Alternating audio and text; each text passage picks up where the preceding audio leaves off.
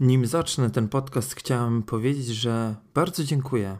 Dziękuję Wam wszystkim za to, że słuchacie moje podcasty, za to, że mnie wspieracie w moich twórczych działaniach i tym samym chciałem podziękować wszystkim ludziom, których spotkałem przez te 10 lat.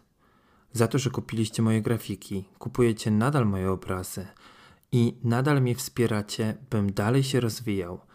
I tak naprawdę nie byłbym tutaj, gdyby nie Wy. Ten podcast dedykuję wszystkim osobom, które spotkałem w swoim życiu przez te 10 lat rozwoju artystycznego i mnie wspierały.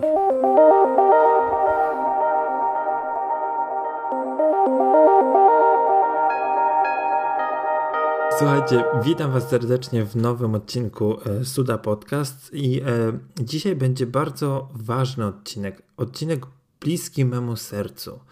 Słuchajcie, oficjalnie mija 10 lat. 10 lat jak e, pracuję artystycznie. W tym czasie byłem projektantem graficznym, ilustratorem, art dyrektorem, projektantem mebli, projektantem biżuterii, projektantem mody, itp., itd. Słuchajcie, serdecznie Was zapraszam do odsłuchania tego podcastu i zabieram Was w taką sentymentalną podróż, jak to się wszystko zaczęło. A później porozmawiamy też, oczywiście w trakcie, kiedy będę opowiadał, jak to wszystko wyglądało, i, i postaram się oczywiście skrócić to dziesięciolecie do jakiejś sensownej ilości sekund w podcaście. E, to też będę starał się opowiedzieć Wam o tym, jak się zaczyna, e, jak się pracuje jako ilustrator, jak ktoś będzie chciał pracować jako grafik, czy też jak ktoś podejmie działania w pracy w modzie, to na pewno ta podróż da Wam dużo nauki i ostrzegam, nie będzie łatwo. Słuchajcie, tak sentymentalnie myśląc o tym wszystkim z nowym rokiem, e, no już koniec stycznia, więc zabieram się do roboty i wiem o tym, że ten rok 2021 będzie pod hasłem dziesięciolecie mojej pracy i bardzo często będę do tego wracał, bo jest to szczególnie 10 lat, kiedy bardzo dużo rzeczy się zmieniło. Przeprowadziłem się już nie pamiętam ile razy. Ale zacznijmy od podstawy od jakichś takich początków. I dobrze o tym wiecie, bo często też wspominałem na moich podcastach, że przygoda zaczyna się w czasie liceum, kiedy kończę je i e, no, dochodzi do momentu matury. I w tym czasie zaczynam myśleć o tym, co ja mam robić ze swoim życiem. Nie wiedziałem do końca. E, chciałem być psychologiem, no nie wyszło. Dostałem się na listę rezerwową, załamałem się i w tym momencie nagle otworzyli uczelnię w moim rodzinnym mieście w Głogowie, licencjat, gdzie przyjeżdżali wykładowcy e, z Poznania, z ASP, z Warszawy, e, z Łodzi i z Wrocławia. Tak. I w tym czasie nagle był taki moment, że ja pomyślałem sobie, kurczę, chyba to wezmę. No i e, udało się, dostałem się na te studia. Jednak wtedy jeszcze nie myślałem o tym, że będę pracował w modzie, że jest to w ogóle realne. E, myślałem o tym bardziej realistycznie, podchodząc do tego, że uczę się projektowania graficznego i będę robił e, logotypy, identyfikacje wizualne, opakowania. Ogólnie to jest moja zmora projektowanie opakowań e, to jest ciężka rzecz i naprawdę szapoba dla wszystkich, jeżeli ktoś to robi. Natomiast wtedy tak myślałem. I dopiero w czasie trwania moich studiów, na drugim roku studiów, nagle zobaczyłem, że mm, jest taki wspaniały, już nieistniejący festiwal Grażyny Kulczyk, e, Art and Fashion Festival, no i wtedy pomyślałem sobie, kurczę, to jest ten moment, to jest ten moment, kiedy mogę coś zrobić więcej, nie tylko siedzieć w Głogowie yy, i mogę coś zrobić ze swoim życiem. I w tym momencie y, miałem jeden dzień na rekrutację. Zrobiłem mnóstwo ilustracji, zrobiłem prezentację, jaka była wymagana na rekrutację.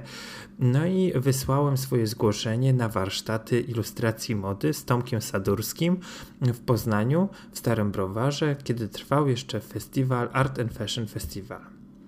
I wysyłając te swoje zgłoszenia, byłem taki naładowany pozytywną energią, że może to jest ten moment, może ja się nadaję do tego. No i się jakoś tak udało, że się nadałem. Oczywiście pamiętam swoją pierwszą ekscytację wyjazdu e, na takie warsztaty e, i pamiętam to, że to było takie bardzo już e, no, duże łyknięcie wody, mm, ale to takie naprawdę chlust w twarz, ponieważ ten festiwal bardzo dawał dużo możliwości w poznania ludzi, którzy już pracowali od kilku lat w branży modowej, poznać dziennikarzy można było też, bo przyjeżdżali wszyscy z Warszawy. E, ogólnie też, e, no nie oszukujmy się, Pani Grażyna Kulczyk wtedy bardzo wspiera i do dzisiaj wspiera oczywiście artystów, ale wspierała też te młode pokolenie, które mogło czerpać korzyści w postaci pozyskiwania wiedzy i to było wszystko za darmo. I to był piękny czas, naprawdę. Ja wspominam go z takim ciepłem na sercu, ponieważ no nie istnieje już ten festiwal, a dobrze wiemy, że w tym kraju wspieranie artystów jest no kiepskie. Ja tak naprawdę całą swoją przygodę i te dziesięciolecie już, które mogę sobie powiedzieć oficjalnie, że minęło, e, zawdzięczam tak naprawdę ludziom, którzy wspierają sztukę, którzy wspierają artystów, którzy wspierali mnie w moich działaniach i oczywiście o nich opowiem dalej. Wróćmy do momentu, kiedy byłem na tych warsztatach ilustracji i pamiętam, że Tomek Sadurski strasznie, a to strasznie mnie karcił za brak proporcji w moich rysunkach. Tak mnie skarcił, że pewnego razu w czasie warsztatów przyniósł mi taką grubą e, kupę e, kserokopii anatomii ludzkiej i kazał mi wszystko przerysowywać na następny dzień na 7 rano, a dostałem to o 20. Nie spałem wtedy e, cały wieczór, ale automatycznie po teraz, po tylu latach mogę zrozumieć, dlaczego dostałem taki e, no, konkretny strzał w pysk, e, ponieważ to była taka nauczka, że, no, że jeżeli coś chcę osiągnąć, to albo zapierniczam, albo po prostu mogę rzucić wszystko i pojechać sobie i już się tym nie zajmować. Oczywiście y, skończyłem to jak mi kazano i przyniosłem to. Byłem wykończony, ale też czułem się taki trochę poniżony, że jednak chyba nie wiem, nie nadaje się, ale ewidentnie skończyłem ten kurs. No nie wygrałem go, słuchajcie. Ale pamiętam, że tego dnia, e, później jak wróciłem już e, z Poznania do rodzinnego miasta, następnego dnia dostałem telefon. Telefon Tomka Sadurskiego, e, który mi powiedział, że nie mogę się poddawać i że mam walczyć o swoje. I że to jest taki dobry początek, żebym dalej się rozwijał, bo on wie, że ja dam radę. I słuchajcie, no to był ten moment, w którym nagle się obudziłem i sobie pomyślałem, kurde, ja muszę dalej iść w to, muszę dalej iść w to. I tak naprawdę następny rok był też Art and Fashion Festival i stwierdziłem, że bardzo też oprócz ilustracji kocham oczywiście film. No wiadomo, jestem artystą nowych mediów, wykorzystuję bardzo dużo różnych narzędzi do mojej pracy, nie tylko i wyłącznie ołówka bądź pędzla. E, I e, wysłałem swoje zgłoszenie też e, na Fashion Movie, wiedząc o tym, że mam małe szanse na to, by dostać się na kolejne warsztaty rok po roku, ale udało się i wtedy trafiłem pod ręce Wojtka Onaka, który uczył właśnie Fashion Movie. I to było niesamowite, słuchajcie, bo Wojtek zrobił taką grupę ludzi, która łączyła się pod względem różnych profesji. I my byliśmy taką grupą, gdzie był e, wykładowca z łódzkiej ASP, który opowiadał o filmach, był też e, operator kamery, profesjonalny. Był grafik, projektant graficzny, stricte projektant graficzny, Tomasz Biskup, pamiętam, pozdrawiam Tomka. E, I też był, e, była e, projektantka mody i byłem ja, czyli taki miszmasz artystyczny.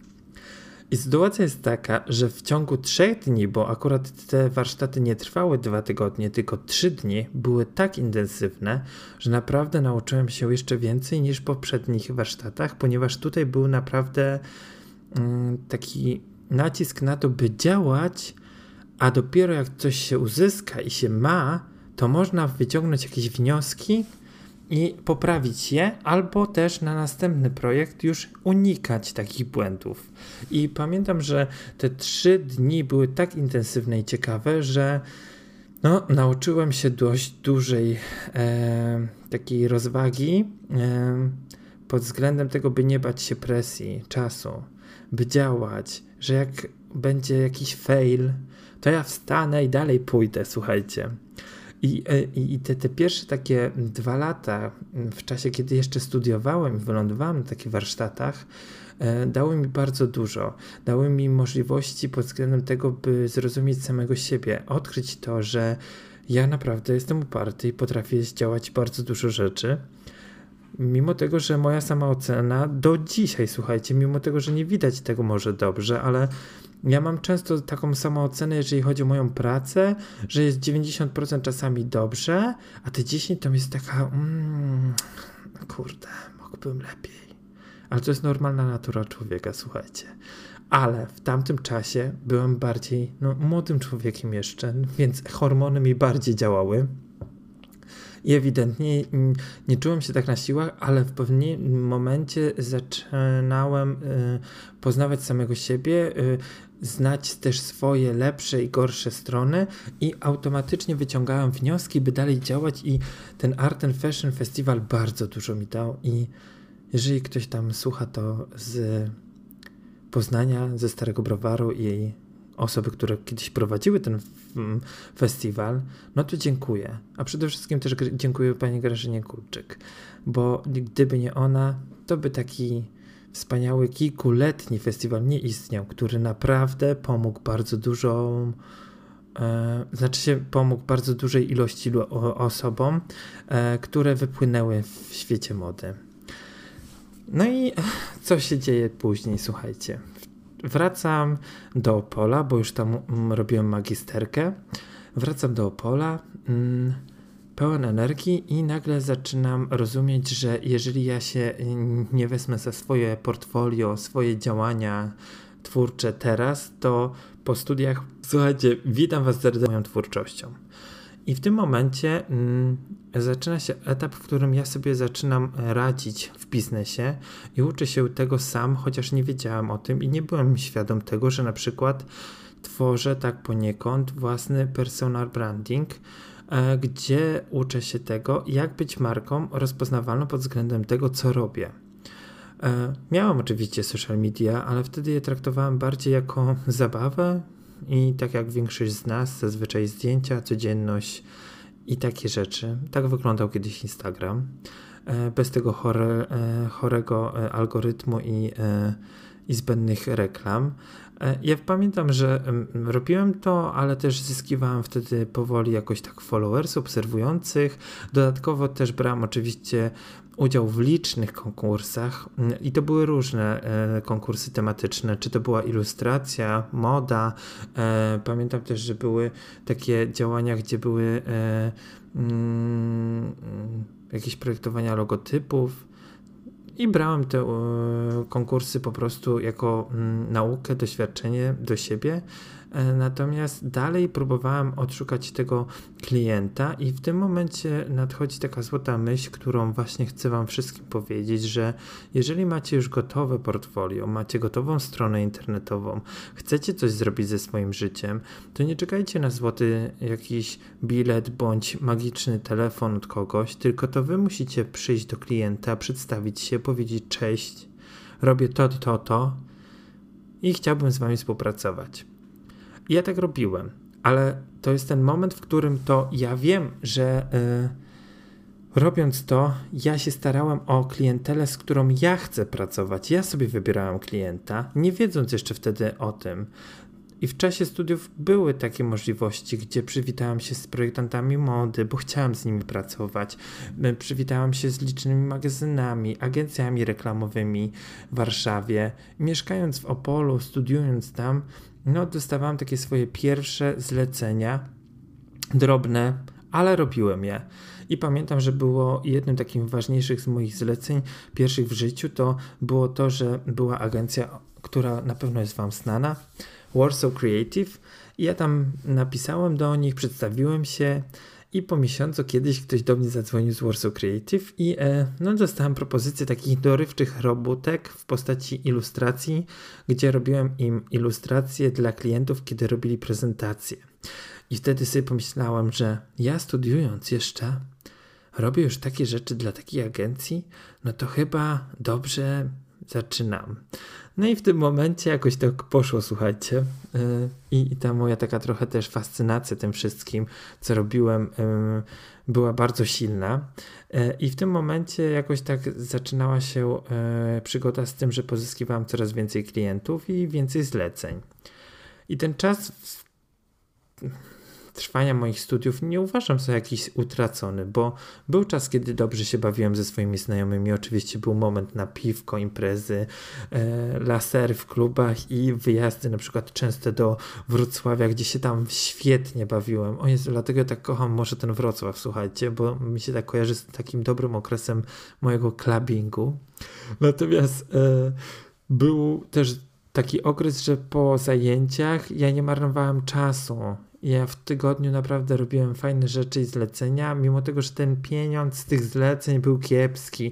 No ale jak się jest takim młodym człowiekiem i wiecie, pomagają wam rodzice, dostajecie stypendium, to wtedy myślicie, że wow, wow, super mi to idzie, nie, nie znając jeszcze stawek i niczego tego, co tak naprawdę kręci tym całym światem w biznesie.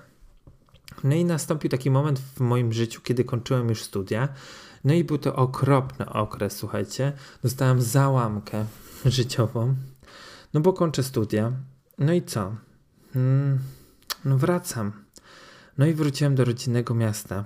O jest straszny okres. Do dzisiaj go wspominam. Wróciłem do rodzinnego miasta w moim życiu i spędziłem tam prawie 2,5 roku.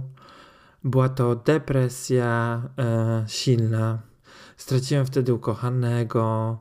E, no i no, co będę mówił, no, przeżyłem to strasznie, tak silnie, że no, pół roku nic nie robiłem. Myślałem, że w ogóle nie jestem wartym człowiekiem i takie rzeczy, ble, ble, ble.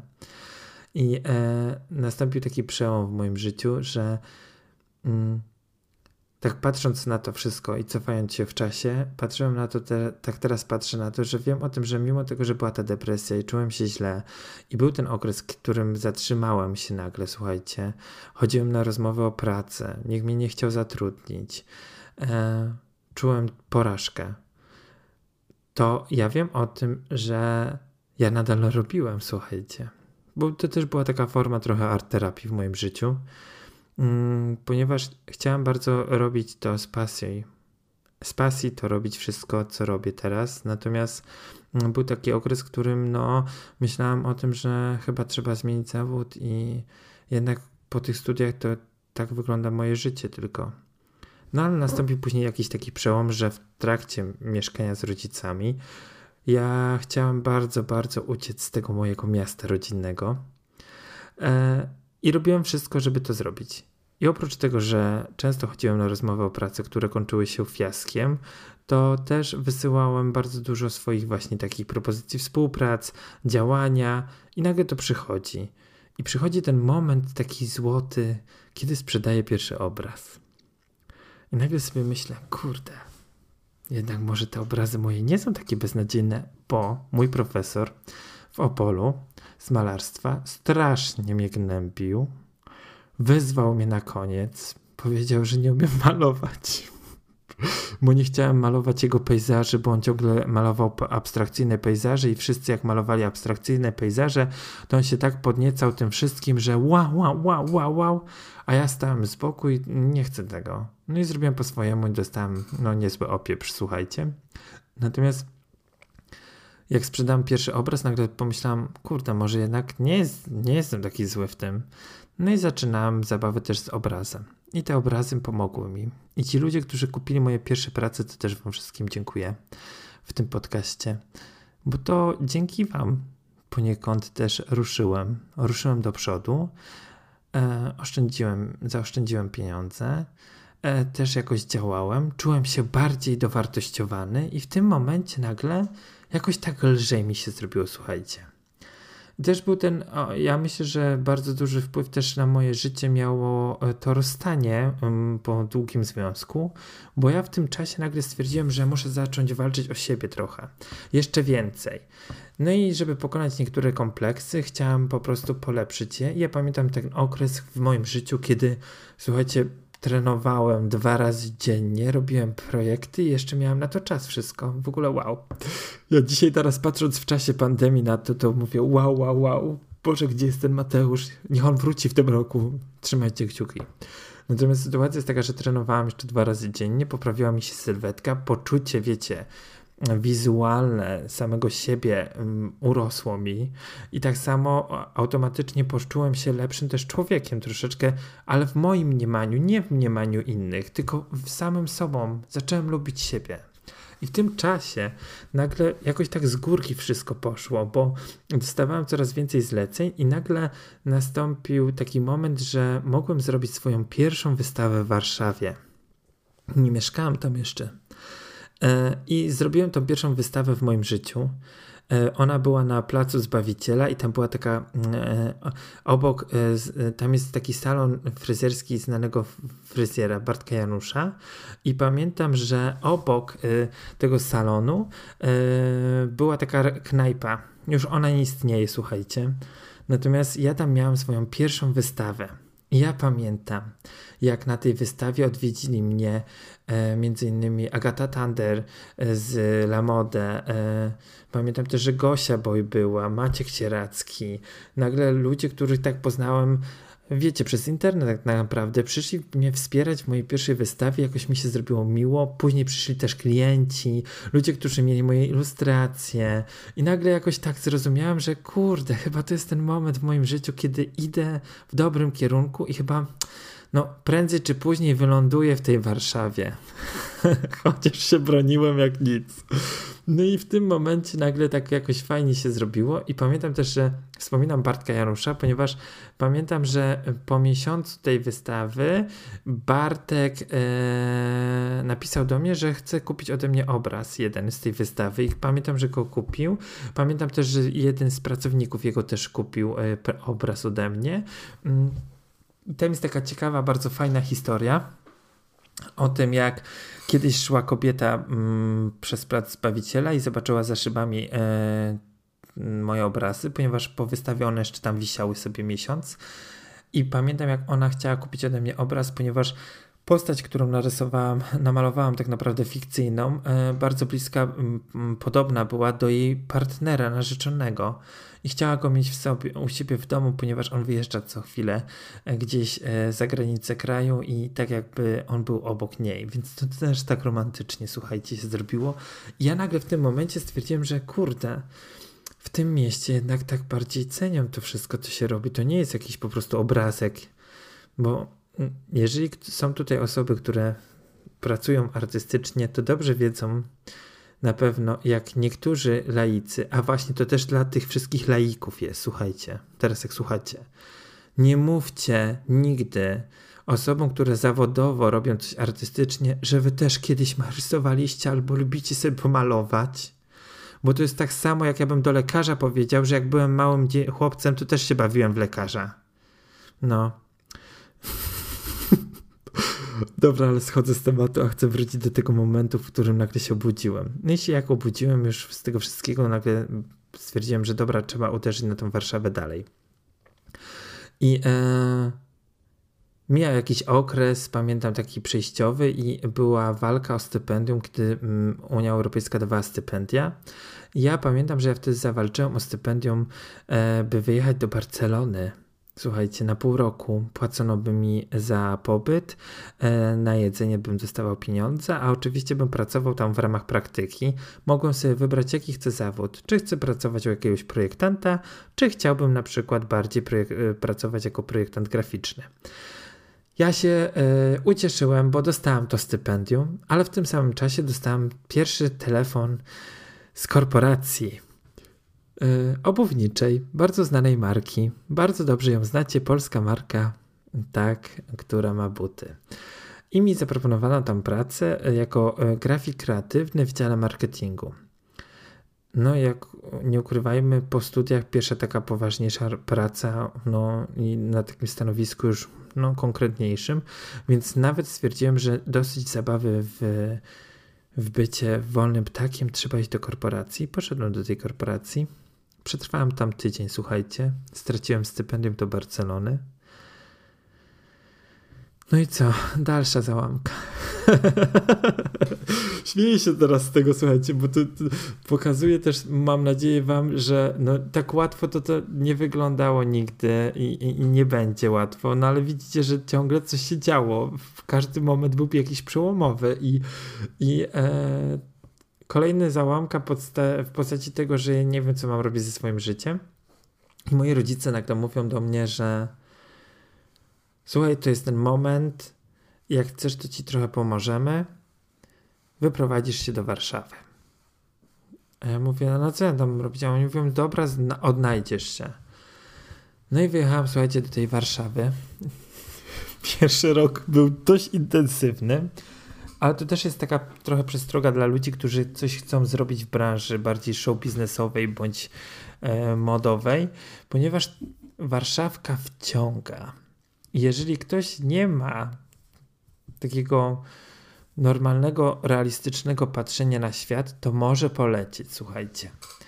A ja przez to, że będąc młodym już człowiekiem, który się wyszalał w czasie studiów, słuchajcie, i się naoglądał różnych rzeczy, to też mogę powiedzieć ze spokojem takim, że byłem przygotowany na to, co mnie tutaj czeka, chociaż nie zawsze wiedziałem, z czym co się je, w postaci takiej, że mm, moja pierwsza grupa znajomych w Warszawie i w tym mieście była dość ciekawa, intensywna i myślałem, że szczera.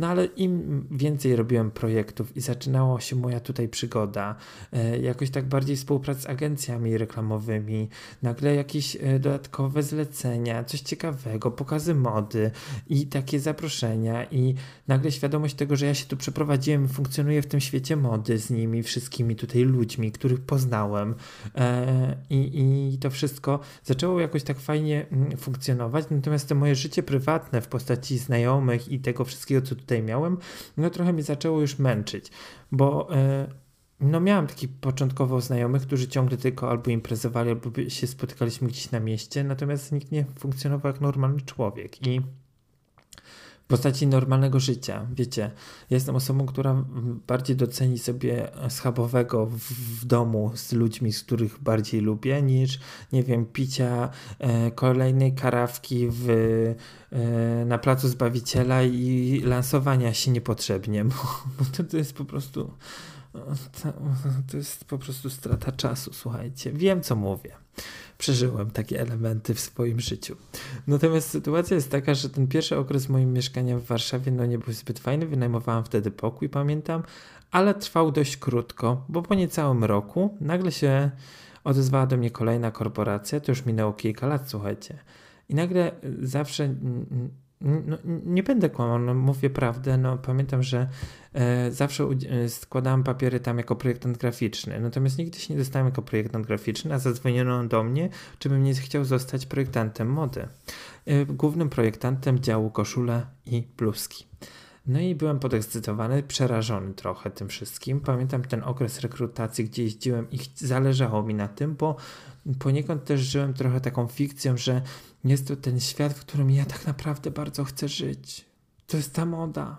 Tylko ja nie byłem świadom tego, że to jest korporacja, słuchajcie, że to jest jednak sprzedaż, klient, a kreatywność to jest tam 15% i, i, i umiem to zrozumieć, że są ludzie, którzy kochają tak funkcjonować w modzie.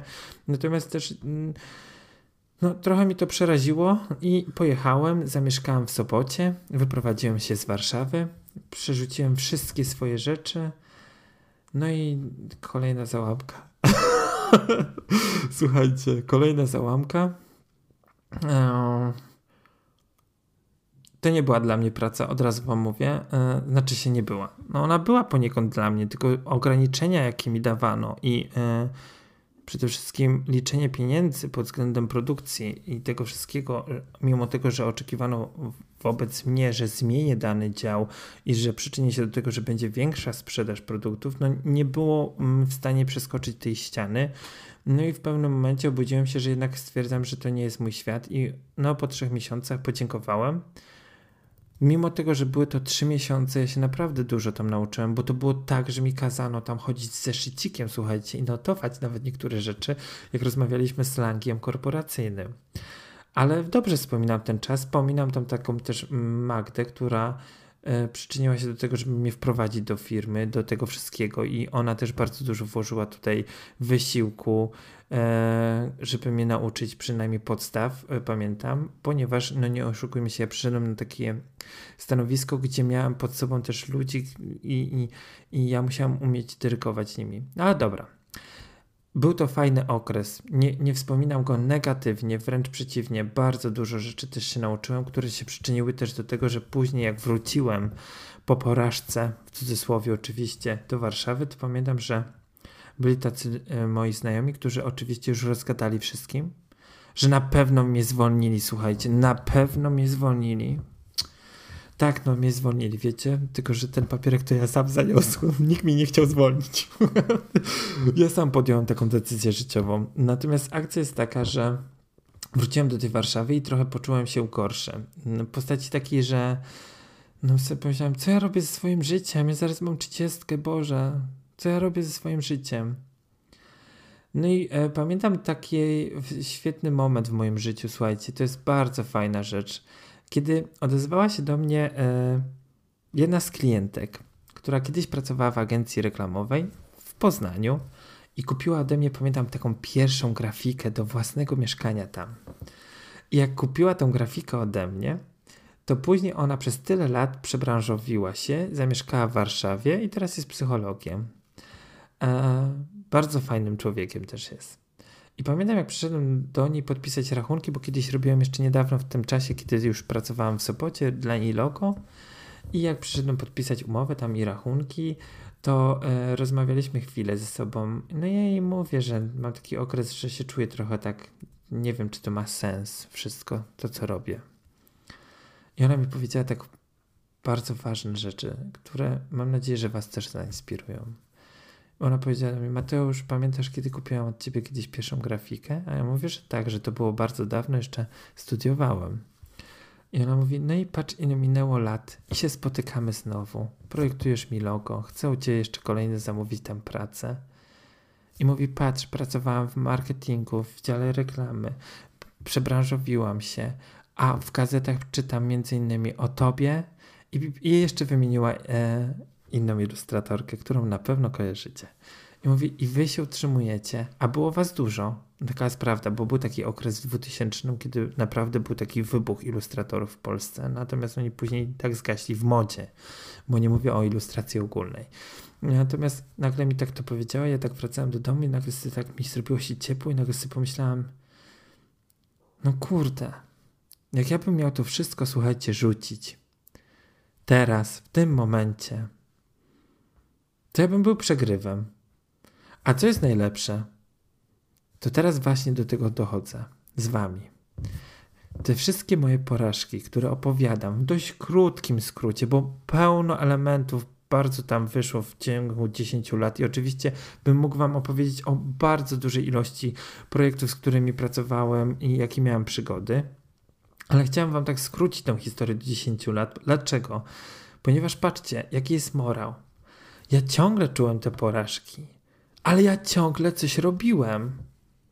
Ja jestem tą osobą, która zawsze wam powie, że ja kocham narzekać, ale narzekać w momencie, kiedy pracuję, a nie w momencie, kiedy nic nie robię.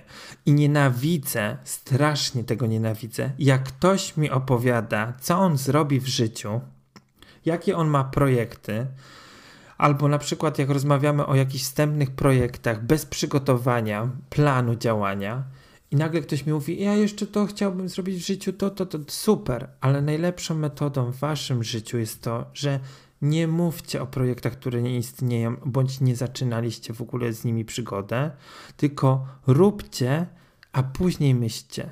Najpierw się działa, a później dopiero są efekty. I jak wy będziecie mogli zrozumieć ten system działania, to wtedy wam będzie łatwiej. Bo te 10 lat w moim życiu to liczne przygody, gdzie byłem raz na górce, raz na samym dnie, raz już w ogóle chciałem zamknąć wszystkie drzwi. Raz to już miałem nawet pomysły takie, żeby uciec, po prostu mieszkać gdzieś na wsi. Słuchajcie, nie wiem.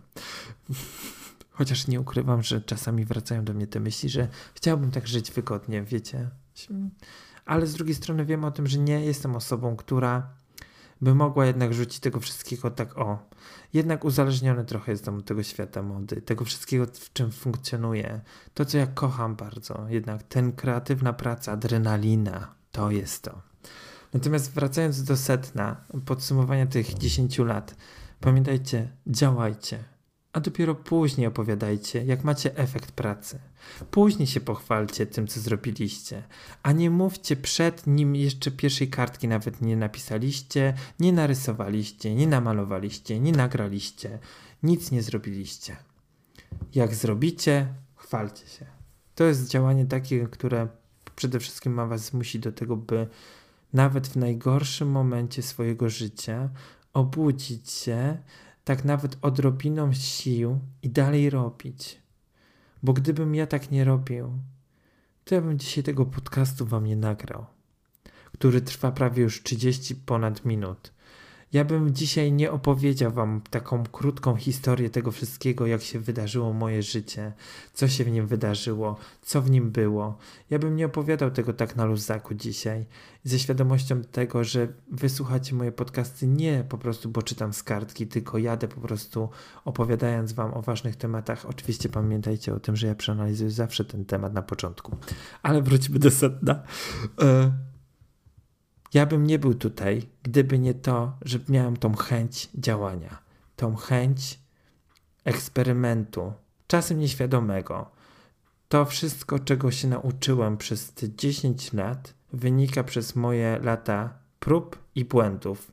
I wszystkim Wam życzę tego, że nawet jeżeli jesteście teraz w połowie swojej jakiejś tam kariery życiowej, to żebyście się nie bali eksperymentować, podejmować działań, a tak w szczególnym czasie jak teraz, kiedy jesteśmy bardziej zamknięci i myślicie, że jesteście ograniczeni, to pamiętajcie, że ten czas jest po coś, a on jest po to, żebyście to wy teraz wzięli się w garść, ogarnęli co macie ogarnąć i poszli do przodu. I nieważne, czy to będzie wasza praca, życie zawodowe, czy po prostu chęć poznania samego siebie i pokochania siebie takiego, jakim jesteście. Tego Wam wszystkim życzę, nie tylko w tym roku. Nie tego, żebyście to przeżyli przez 10 kolejnych lat, tylko żebyście w tym danym momencie, kiedy słuchacie ten podcast, obudzili się i do końca swoich dni walczyli o swoje marzenia. Wszystkiego, co dobre. Do zobaczenia w kolejnym podcaście w nowym roku. I pamiętajcie, że to nie jest koniec historii dziesięciolecia mojej pracy. Obserwujcie mnie na Instagramie, na fanpage'u. I było mi miło dzisiaj z Wami porozmawiać o tej sentymentalnej podróży i Was zabrać trochę do tego świata, który może Wam pokazał, że nie zawsze się czułem tak, jak się czuję teraz. Nie zawsze byłem e, osobą, którą akceptowano ze względu na swoje prace i nie zawsze kochałem samego siebie. Ale mimo to działałem. Amen. Do zobaczenia. Hej.